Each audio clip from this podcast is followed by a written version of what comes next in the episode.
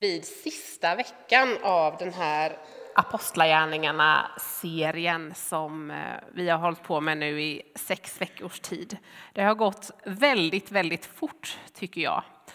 Och den här veckan vill vi, precis som de andra veckorna, göra den här kopplingen mellan apostlagärningarna, det som hände då, och våra liv som kristna idag. För det vi läser om i Apostlagärningarna, det är ju inte bara någonting för där och då, utan det är någonting för här, nu också. Men den här gudstjänsten så ska vi ändå börja med att söka oss bakåt i tiden lite grann. En vecka närmare bestämt. Då hade vi årsmöte för församlingen och på det här årsmötet så beslutade vi om församlingens målsättning för det här året 2020. Vår målsättning den utgår från vår vision som församling. Vi vill vara en välkomnande kyrka med Jesus i centrum. Utifrån detta så har vi två fokusområden. Ett som är inåtriktat, som hjälper oss att bygga upp och liksom stärka, fördjupa våran tro. Ett utåtriktat som utmanar oss att nå nya människor för evangeliet. I Bibeln så kallar Jesus människor till sig. Han säger kom, följ mig. Och sedan så skickar han ut dem, han sänder dem ut i världen till jordens yttersta gräns för att göra skillnad där. Och under 2020, för er som inte var med på årsmötet, så är vårt inåtriktade fokusområde att vara eh, att satsa på gemenskap med Jesus i centrum. Och jag tänker att de här två sakerna, gemenskap och Jesus, det är väl två sådana där saker som man inte kan få för lite av eller för mycket av. Ehm, så det är ett fokusområde som vi har haft även tidigare och som vi väljer att fortsätta med. Men den här gudstjänsten så vill jag koncentrera mig lite grann på vårt andra fokusområde, det som är mer utåtriktat det som vi har gett namnet Jag, ett vittne. Precis innan Jesus tas upp till himmelen igen efter uppståndelsen så säger Jesus så här till sina lärjungar. Och nu läser jag från Apostlagärningarna. Ni ska få kraft när den heliga anden kommer över er och ni ska vittna om mig i Jerusalem och i hela Judeen och Samarien och ända till jordens yttersta gräns. Till jordens yttersta gräns. Jag ett vittne. Ja, när vi hör det här uttrycket till jordens yttersta gräns så tänker nog de allra flesta av oss kanske på den internationella missionen. Och den är såklart oerhört viktig. Och vi som en del i kyrkan hör till ett samfund som, som historiskt sett har tagit missionsbefallningen på ett oerhört stort allvar och varit beredda att jobba väldigt, väldigt hårt för att den ska få uppfyllas. Men den här veckan så har jag funderat och tänkt att kanske är det så att man inte alltid måste ta evangeliet riktigt så långt. Kanske kan det vara så att vi redan just där vi befinner oss på ett sätt faktiskt är vid den här jordens yttersta gräns. I en mindre stad i det globalt sett ganska obetydliga landet Sverige, någonstans långt där uppe i det kalla Norden. Ett land som dessutom hör till ett av världens mest sekulära. På många sätt tänker jag att det finns få ställen där vi behövs mer än just här. Att vittna om Jesus till jordens yttersta gräns, som är vår kallelse som kristna och som församling. Kanske det mest av allt handlar om platsen där du och jag befinner oss just nu. De flesta av oss tycker nog att det här som jag precis har sagt både är sant och bra på alla sätt och vis. Men samtidigt så tror jag att vissa av oss kan känna att det är inte så lätt alla gånger det där att berätta för andra människor om Jesus. Och ändå så tror jag att Anna-Karin som jag intervjuade inte är ensam om den där längtan efter att tron ska få bli mer synlig i våra liv. På arbetsplatser, i skolan, bland grannar och familj. Man kanske inte vet riktigt hur, inte känner sig som någon typisk evangelist direkt. Därför valde vi det här tema eller fokusområdet Jag ett vittne. Och i Apostlagärningarna, om man bläddrar fram, det som jag läste precis nu, det var från kapitel 1, men om man bläddrar fram till kapitel 14 så finns den här berättelsen om Petrus och Barnabas när de besöker Lystra. Där stöter de på en man som varit blind, eller varit lam menar jag, ända från födseln.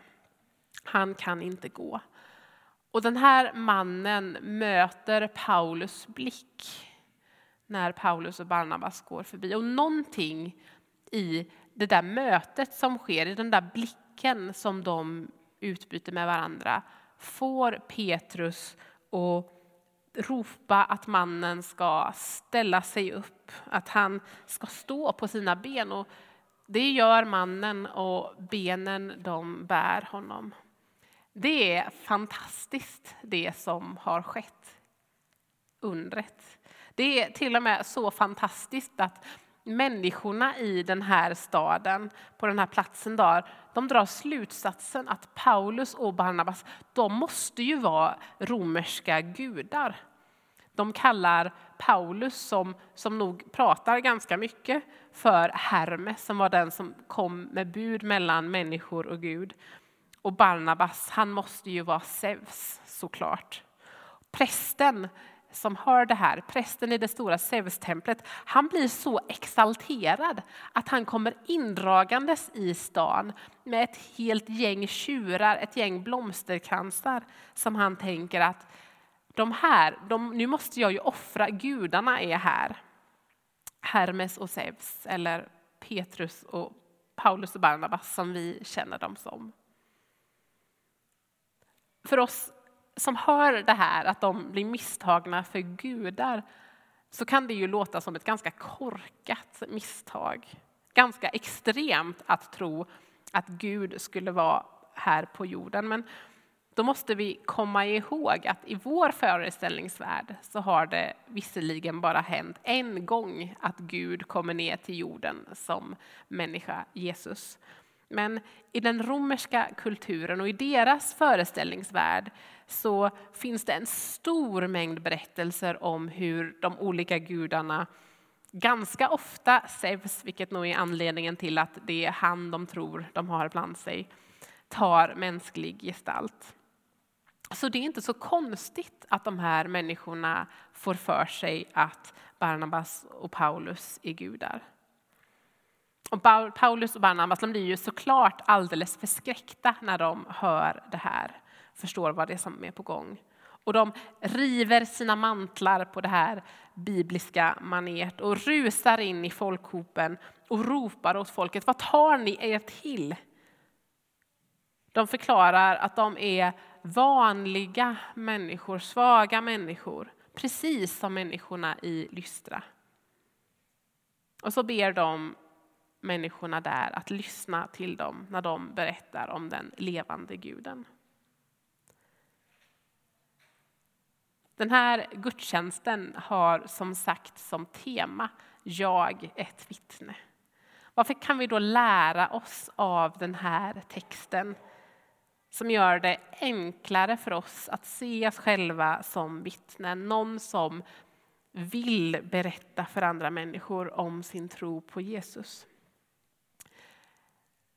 Jag tänker att en nyckel finns i det här att Paulus och Barnabas så tydligt betonar att de är vanliga människor. Och självklart är en stor anledning till att de gör det just här att de vill reda ut det här enorma missförståndet.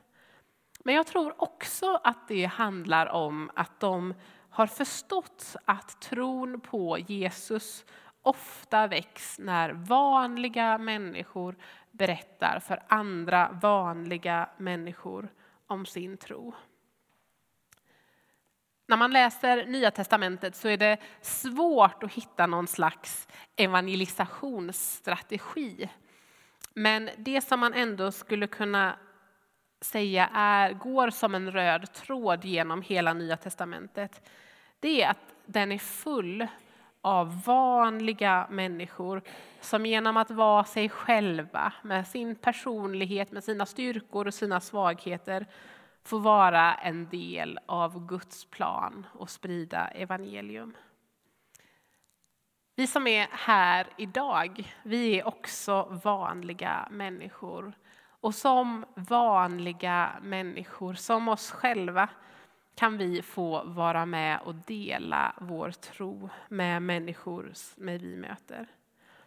Vi behöver inte ha alla svar. I Bibeln låter det ofta som att Paulus alltid hade alla svar. Men jag tror faktiskt inte att det är riktigt hela sanningen.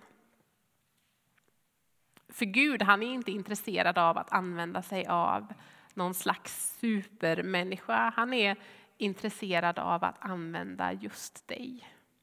Vanliga människor som i ord och i handling genom att vara de fantastiska människor som Gud har skapat var och en av oss till att vara delar sin tro med andra människor. Samtidigt har jag funderat en del på om det här verkligen är hela sanningen. Paulus han betonar ju att han och Barnabas är vanliga människor i den här texten för att liksom reda ut det här missförståndet som har uppstått. Men är det hela sanningen om, om honom och Barnabas och om oss i det här rummet, om kristna människor i stort? Är vi verkligen bara vanliga, svaga människor som Paulus påstår? Jag tror ju inte det. Och det beror på att vi har en del av Gud, hans heliga ande boendes inom oss. Så när vi berättar för andra människor om vår tro på Jesus. Vare sig det är genom ord i samtal med människor eller genom handling, saker vi gör, vår attityd, så bär vi en del av Gud inom oss. När vi lever våra liv utåt sett som helt vanliga människor så är Gud med oss. När vi delar evangeliet så eh, gör vi det inte i vår egen kraft. Vi gör det tillsammans med den heliga anden. Och som kristna så får vi lita på att anden leder oss till människor som är öppna för att höra om Jesus. Vi får lita på att anden lägger ord i våra munnar och leder oss i de här samtalen. Det är i Guds kraft som vi får gå, inte i vår egen. Och det tänker jag gör oss till allt annat än vanliga människor. Att man som kristen inte går i sin egen kraft, det tänker jag blir extra tydligt i dagens text från Apostlagärningarna. För vad är det egentligen som sätter igång hela den här långa kedjan av händelser? Ja, men det är ju just det där att Paulus och Barnabas möter den här mannen som är lam och att han får kraften i sina ben tillbaka.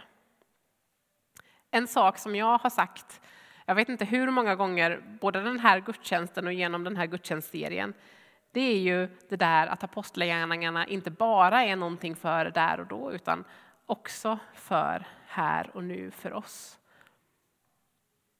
Och det gäller ju även de här helandena som vi har i Apostlagärningarna. När Gud på ett så tydligt sätt bryter igenom och gör skillnad i en människas liv. Och i vår församling så kan jag tycka att vi är lite dåliga på att prata om de här delarna av tron. Och jag kan tycka att det är synd för att vi riskerar att missa en så viktig del av vad livet med Gud innebär. Och det är synd eftersom helanden och den, den typen av händelser så tydligt pekar, inte bara på Guds existens utan också på Guds kärlek och hans omsorg om oss. Och därför har en ganska stor makt att faktiskt förändra en människas liv. Men oavsett hur Guds ande väljer att manifestera sig i just ditt liv så är min poäng denna, att du har Gud med dig vart du än går. Gud, han älskar dina familjemedlemmar, dina kollegor, vänner och grannar långt mycket mer än vad du gör. Han bryr sig om dem mer än vad du gör och han längtar efter att ha en relation med dem. Och därför så kommer han att hjälpa dig i de samtal du har, i de möten som du har i ditt liv. Du är inte ensam, för du har Gud med dig. Vi ber. Jesus, tack för det här. Tack att du älskar människorna som vi älskar mer än vad vi gör, Herre. Tack att din kärlek är oändlig, Herre, större än vad vi någonsin kommer att förstå. Och tack för att du längtar efter att ha en relation med de här människorna. Och att du därför kommer att vara med oss och leda oss och hjälpa oss, Jesus, varje steg på vägen. Tack att du vill lägga ord i våra munnar, visa oss på handlingar som vi kan utföra för att bevisa din kärlek och omsorg för de här människorna som vi har runt omkring oss, som inte tror än, Herre. Jesus, jag ber att du ska fylla oss med hopp, Fyll oss med tro att det är möjligt, Herre. Att du har en plan även för de här människornas liv, Jesus. Hjälp oss att se vilka fantastiska ljus vi alla är, att vi faktiskt är vittnen. Både genom det här att bara vara oss själva, men också för att vi får gå med dig i din kraft. Hjälp oss att se det, Gud. Amen.